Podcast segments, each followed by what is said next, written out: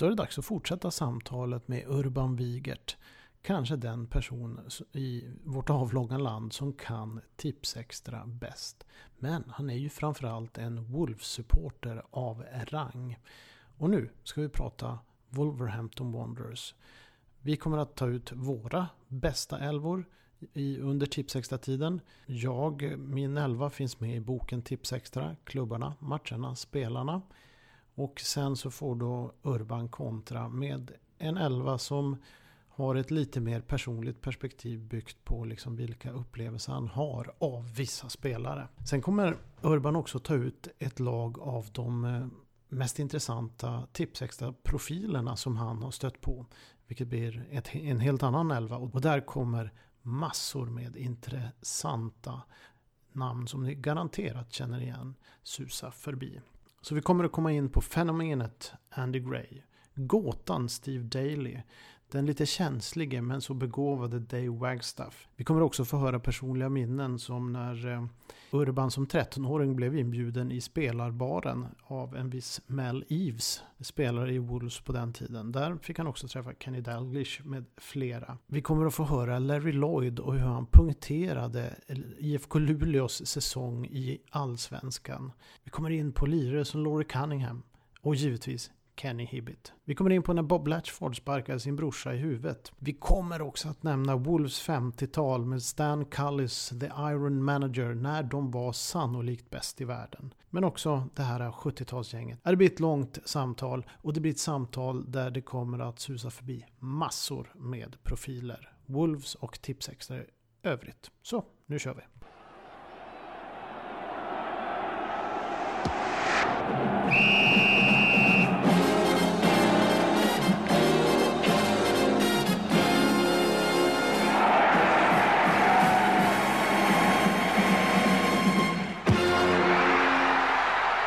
Bra, då tänkte vi att vi skulle jämföra lite bästa elva. Jag har ju tagit ut i min bok en elva som jag tyckte då är de bästa Wolves-spelarna under Tipsextra-perioden. Det är viktigt att, att, säga. Och dessutom har jag, jag har ju suttit och räknat för hand dina matcher där. Precis, just det.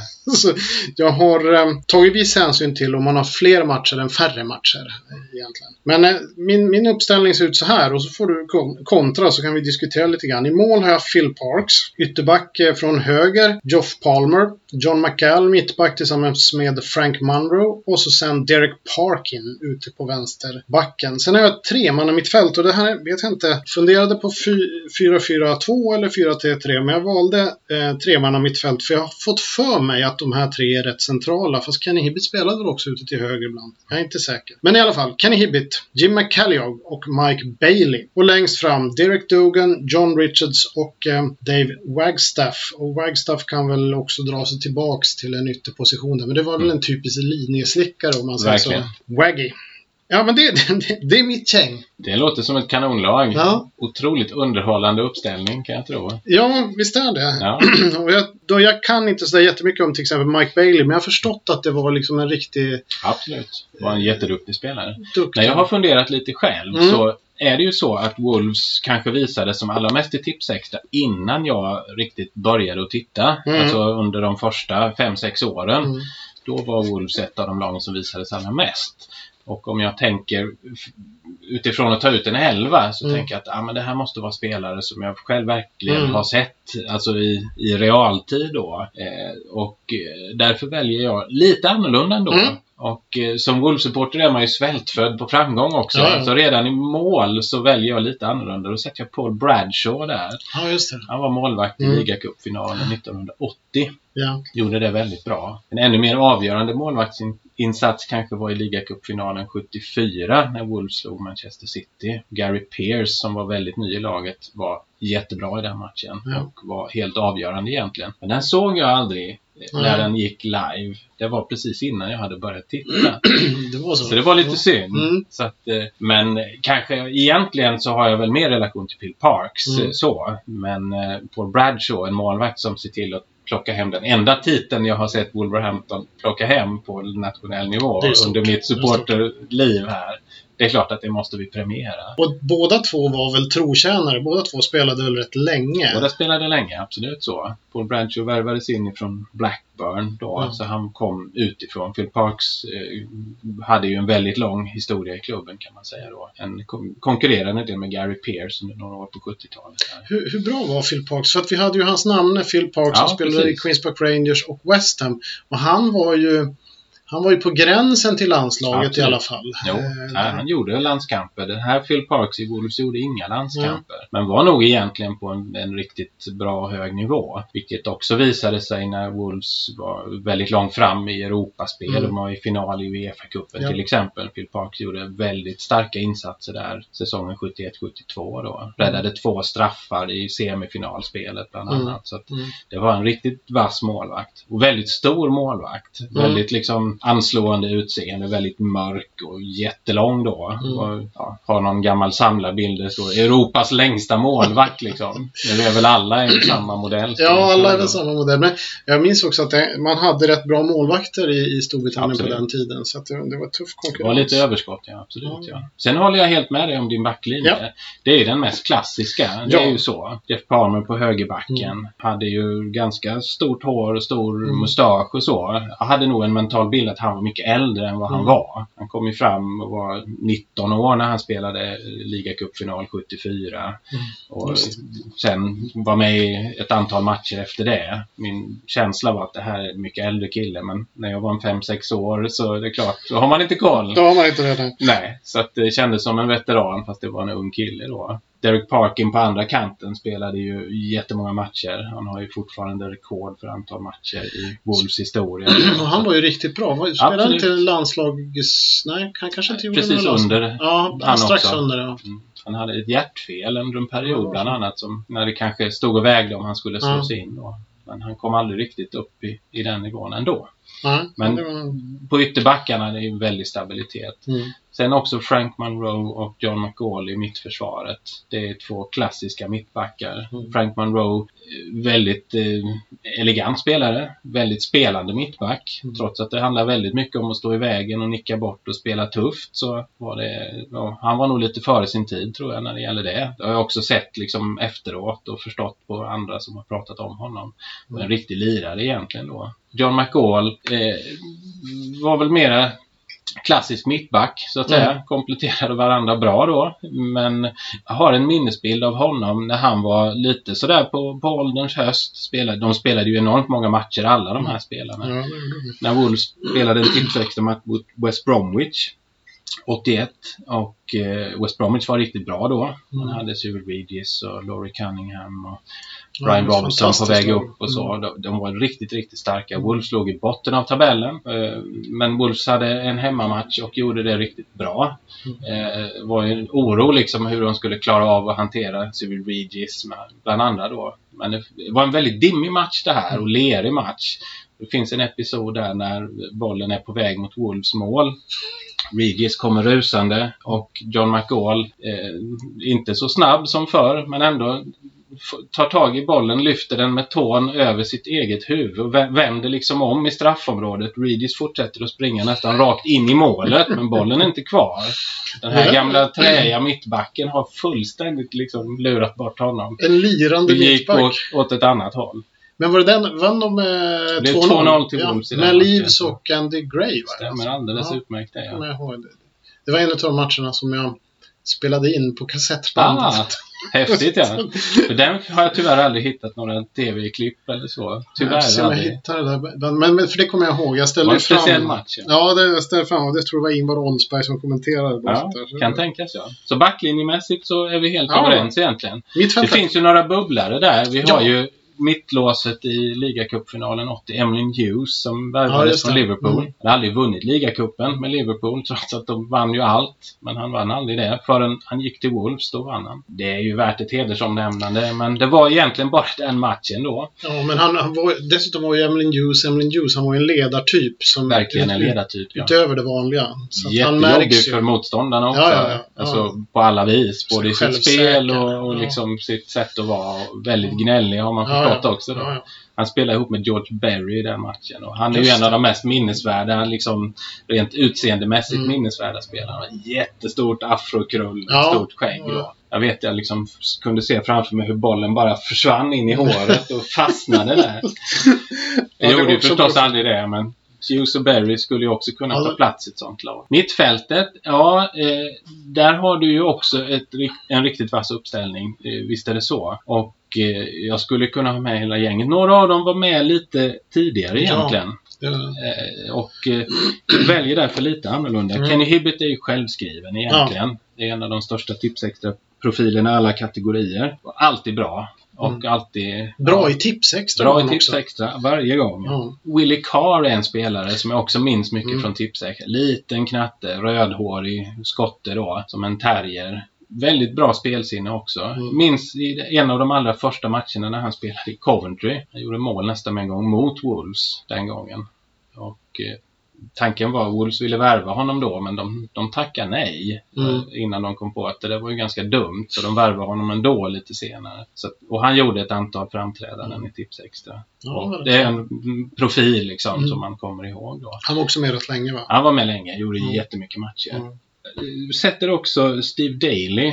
Eleganten. Ja, mm. han värvades ju till Manchester City sen för jättemycket pengar. Det var rekordsumma när Wolves mm. köpte Andy Gray och sålde Steve Daly. Det var nästan en och en halv miljon pund då. Ja, jag tror det var 1 miljon 425 000 ja, eller något. Det var helt då det var, var det en sanslös summa. Det var det. Och det var en lovande spelare mm. men han nådde aldrig riktigt den höjden då. Han gjorde det jättebra i Wolves. Var jättebra i den här matchen när Wolves slog Everton med 3-1 ja. som vi pratade om tidigare. Kenny Hibbert gjorde två mål också. och Steve Daly gjorde ett. Så att han får en plats. Sen en spelare som inte har samma status kan man väl säga, men som var en favoritspelare för mig. Det är Mel Eves. Som du Just nämnde, som, som gjorde mål i den här mm. matchen mot West Bromwich då. Det var en av mina favoriter. Mm. En väldigt trevlig prick också. Mm. Jag skrev eh, något brev till honom och han svarade tillbaka. Och eh, mitt första besök i England eh, såg med livs till att komma ut och möta mig. Jag såg Wolves mot Liverpool en gång då, 83. Liverpool var ju som allra bäst då. Men han tog med mig in bakom kulisserna och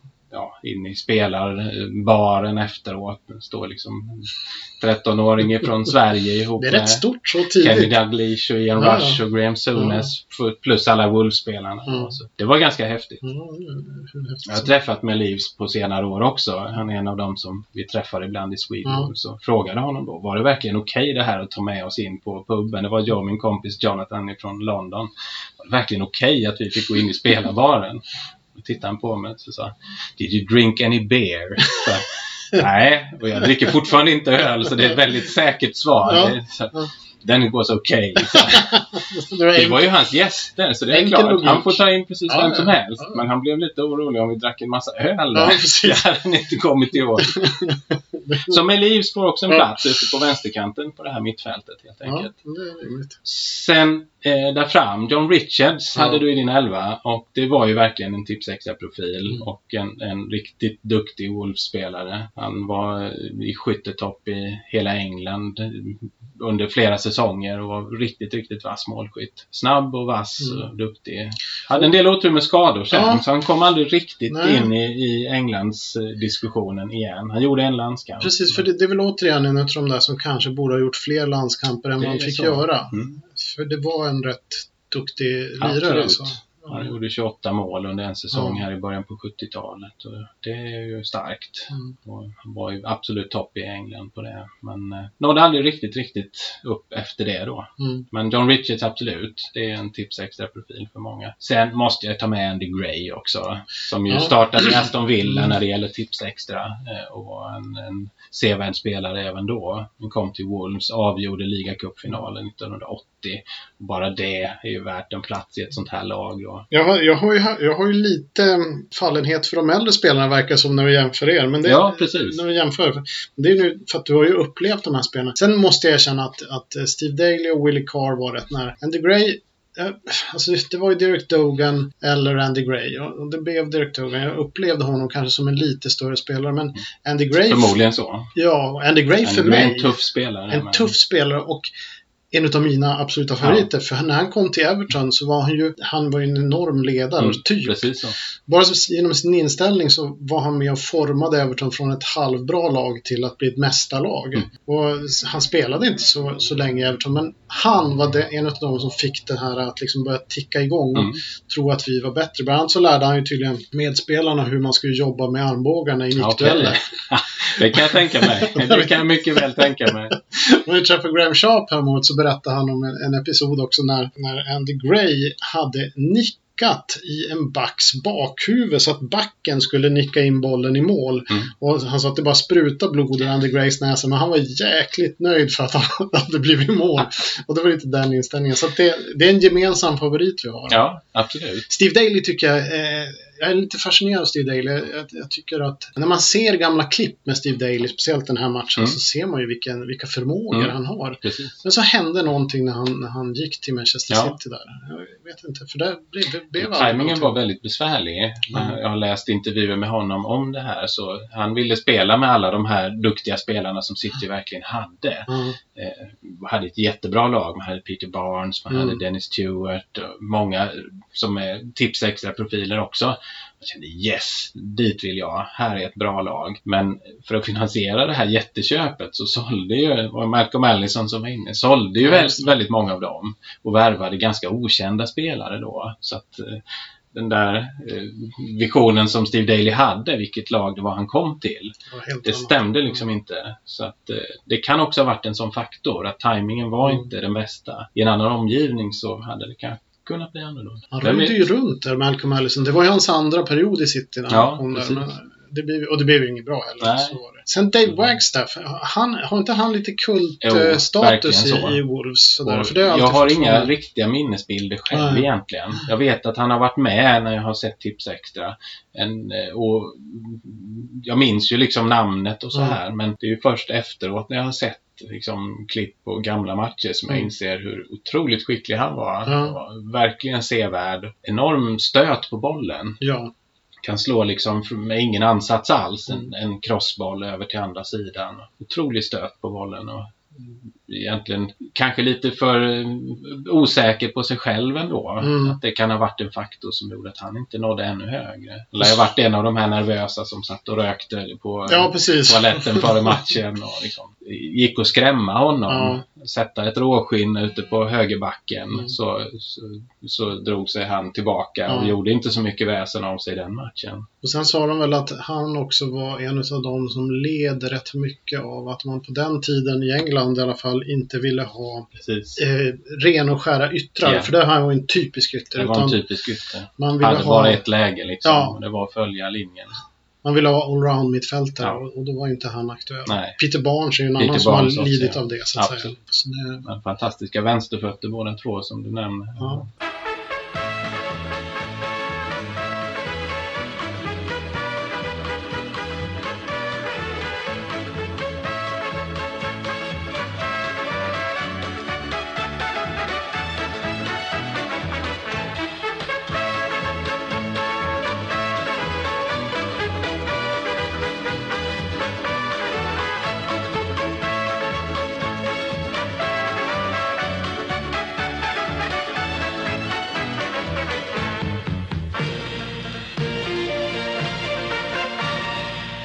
Ja, det är häftiga namn. Men hade du andra tipsextra favoriter som du tycker är lite spännande ja, att lyfta fram? Ja, om jag ska fundera lite så ja. jag backar ju gärna då till de här första åren, alltså 70-talet, kanske fram till precis början av 80-talet mm. eller så. Alltså vad var det för namn eller vad är det för spelare som fastnar då? Mm. Som jag kommer att tänka på när jag liksom verkligen fastnade för Tips Extra då. Och det är ju lite kombination av eh, duktiga spelare och, och, lite coola namn och sånt här. Mm. I mål så jag tycker Jimmy Rimmer ja, är ett sånt här namn som är mm. häftigt liksom. Började i Arsenal, mm. hamnade sen i Aston Villa, var i Manchester United mm. har jag förstått tidigare ja. också då. Så att, men det var ju en riktigt duktig målvakt och lätt att lägga märke till på något sätt då. Och namn då, Jimmy Rimmer. Det var liksom ja, det fastnade med en gång då. Om man ska lägga upp med försvarsspelare då. Jag har nog aldrig, jag inser det nu när jag tänker att jag har nog som aldrig riktigt varit så försvarsinriktad egentligen. En del går ju igång på det. Mm. Jag har nog mer, vad är det för försvarsspelare som ändå har bidragit offensivt på något sätt då. Så skulle jag sätta en högerback ifrån liksom, tidiga tips extra år, inte allra första utan något senare, skulle jag nog välja Ray Stewart, oh, West Ham. Hårdskjutande skott. Väldigt hårdskjutande. Han har gjorde hemskt mycket mål. Mycket ja, på straff, straff. Förstås. Han missade väl i precis, Han har väl någon sån här rekord med att sätta straffar? Eller? Ja, jag tror det. Jag tror inte han har missat någon eller om han har missat en eller ja. något sånt där i hela sin karriär. Enormt mycket mål på ja. straffar. Och han gjorde också ett jättesnyggt mål i Tipsextra. Man kan hitta det på Youtube nu. Jag hade en minnesbild från den här matchen. Brighton mot West Ham, mm. tidigt 80-tal. Säsongen 81-82 måste det ha varit. När han drog till en riktig pärla med högen som satt i bortre krysset. Men blev avblåst för offside. Så var det ja. Och så slutade det 1-0 till Brighton. Brighton vann med 1-0 ja. Nesligt. Ja, det var ju riktigt jobbigt. Och det har jag kunnat hitta sen det där. Mm. Det går ju inte, det känns bisarrt liksom att det blir offside. För det är en riktig strut liksom. Det var ju någon som en anfallare kanske då, eller någon ute på vänsterytten som stod offside. Typ. Det som känns jättekonstigt när man tänker med dagens regler och dagens tolkningar. Då. Det är lite roligt, för den matchen, jag har minnesbild för den, för jag kommer ihåg hur Alltså West Ham hade ett väldigt bra lag Absolut. då. De spelade jättefin fotboll. Mm. Dock aldrig i Tipsextra av någon jäkla anledning. och, och jag, jag tyckte, Nej, det gick lite trögt. Ja, och Brighton var inte alls lika roliga. Så jag var lite besviken ja, där när man fick se så. de här stjärnorna i West Ham och så blev det inte. Nej, men lite så. Mm. Så han gjorde mycket. Phil Neal är också. Ja. Jag fastnade egentligen inte för Liverpool. De, jag är nog lite sådär, jag håller på underdogen mm. och Liverpool var lite för bra. Men Phil Neal tyckte det är också ett coolt namn liksom. Mm. Det funkar. Och han gjorde ju mål. Han mm. satte straffar. Ja, det är nog sju straffar tror jag i tips extra. Så det är ju liksom något alldeles extra. Så Phil Neal får en plats. Men han får bli vänsterback i den ja, här uppställningen ja. då i så fall. Sen Gordon McQueen. Ja, just det. Dels också ett coolt namn, mm. lite så här. Jättestor lirare, blond, man la märke till. Också väldigt målfarlig. Mm. Gjorde ett antal mål i tips extra och även i cupfinal och så här började i Leeds men kanske mest Manchester United då under tips extra åren i alla fall. Det var en stor profilövergång när han gick från Leeds till Manchester United. Det. Det, var ju... det var ett trendbrott ja, verkligen. Det var, det var nog väldigt jobbigt för Leeds, liksom ja. kulturen i den klubben. Då. Mm. Sen ifrån en av mina allra första matcher så Larry Lloyd.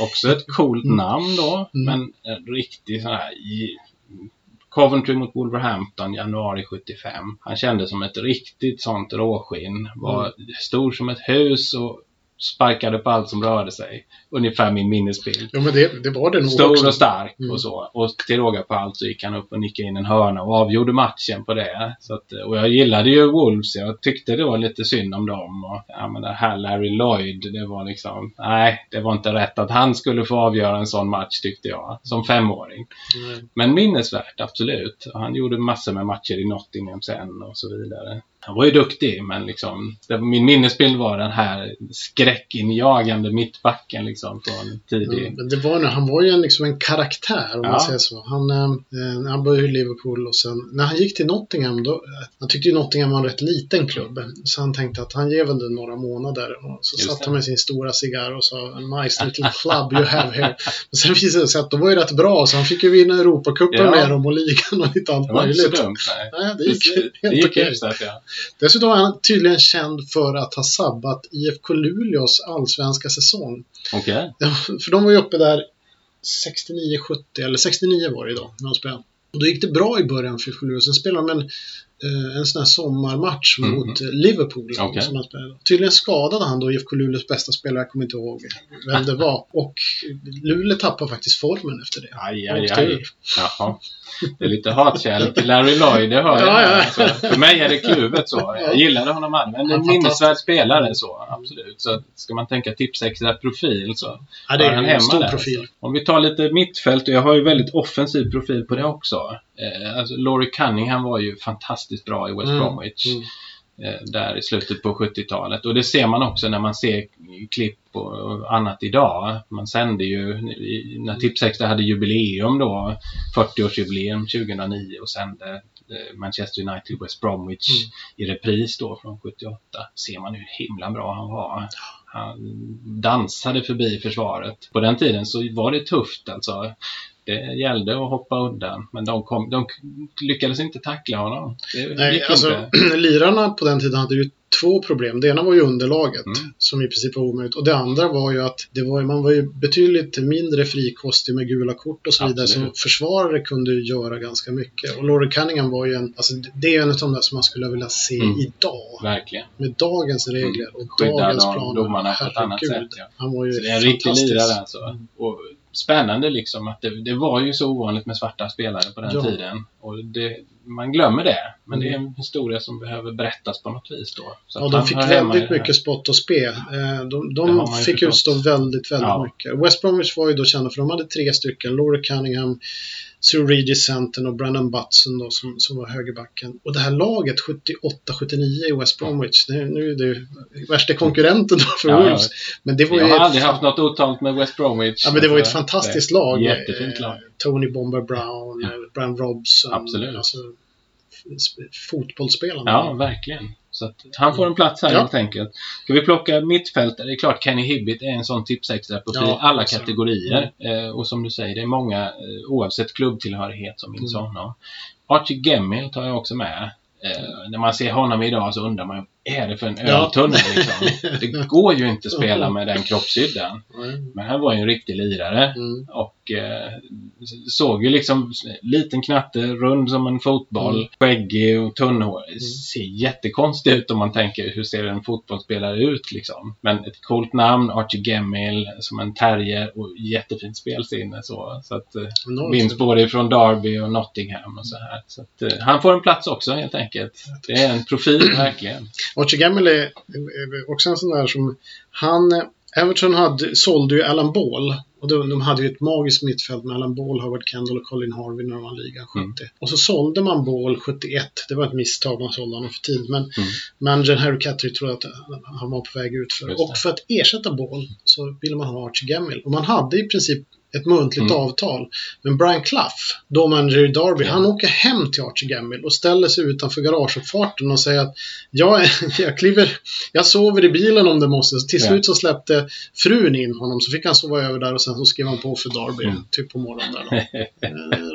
Fantastisk historia. Men det en, Historien kunde ha blivit en annan. Det hade det kunnat bli, ja. men, men han, har rätt fin karriär, Archie Gamble. Det är något som har mycket titlar. Mycket titlar, ja. Kanske gjort Skottlands viktigaste mål ja, genom alla tider, absolut. 1978 när han dribblade sig igenom mot Holland och sådana mm. grejer. Så det är ju en fantastisk spelare. Absolut. Jag gillar ju yttrar som är mycket spelsinne och mm. så. Det här är kanske egentligen lite tidigt 80-tal så, men Tony Morley, det var en favorit mm. i Aston Villa. Riktig lirare också kunde ta sig igenom mm. försvar. Och hade ju egentligen ingen märkvärdig karriär innan han kom till Aston Villa. Han harvade runt i en del mindre klubbar, Preston och Burnley och så. Men i Aston Villa så följer allt på plats. Han hamnade i rätt klubb i rätt tid och så. Och, ja, jag gillade den spelartypen på något sätt.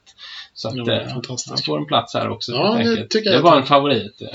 Var lite sådär svag för Aston Villa vid den tiden. Och det gör att det blir bara mm. plats för två anfallare här. Ja rena anfallare. Rena. Vi har Cunningham och Morley på ja. kanterna och Hibbit och Gem. Alltså mm. det är rätt så offensivt. Det är dragning. riktigt offensivt, men det är bra. Men det får ju vara egentligen de som jag fastnade för allra tidigast mm. på något sätt då. Jimmy Greenhoff är mm. given i en sån här elva då. Eh, jag trodde ju på något sätt när man bara såg Tipsextra och inte hade någon historik då tänkte man det här måste ju vara tidernas främste målskytt för han öste in mål i Tipsextra. Mm. Stoke som han spelade i då var ofta i Tipsextra. Han gjorde mål varenda gång. Mm. Så man tänkte, det här måste ju vara världens stjärna. Men han fick aldrig göra någon Nej, landskamp överhuvudtaget. Inte en enda. Inte en enda. Vilket är en Även om många diskuterar den saken. Ja. Så. Och han hade ju väldigt bra fortsättning när han kom till Manchester United ja. också.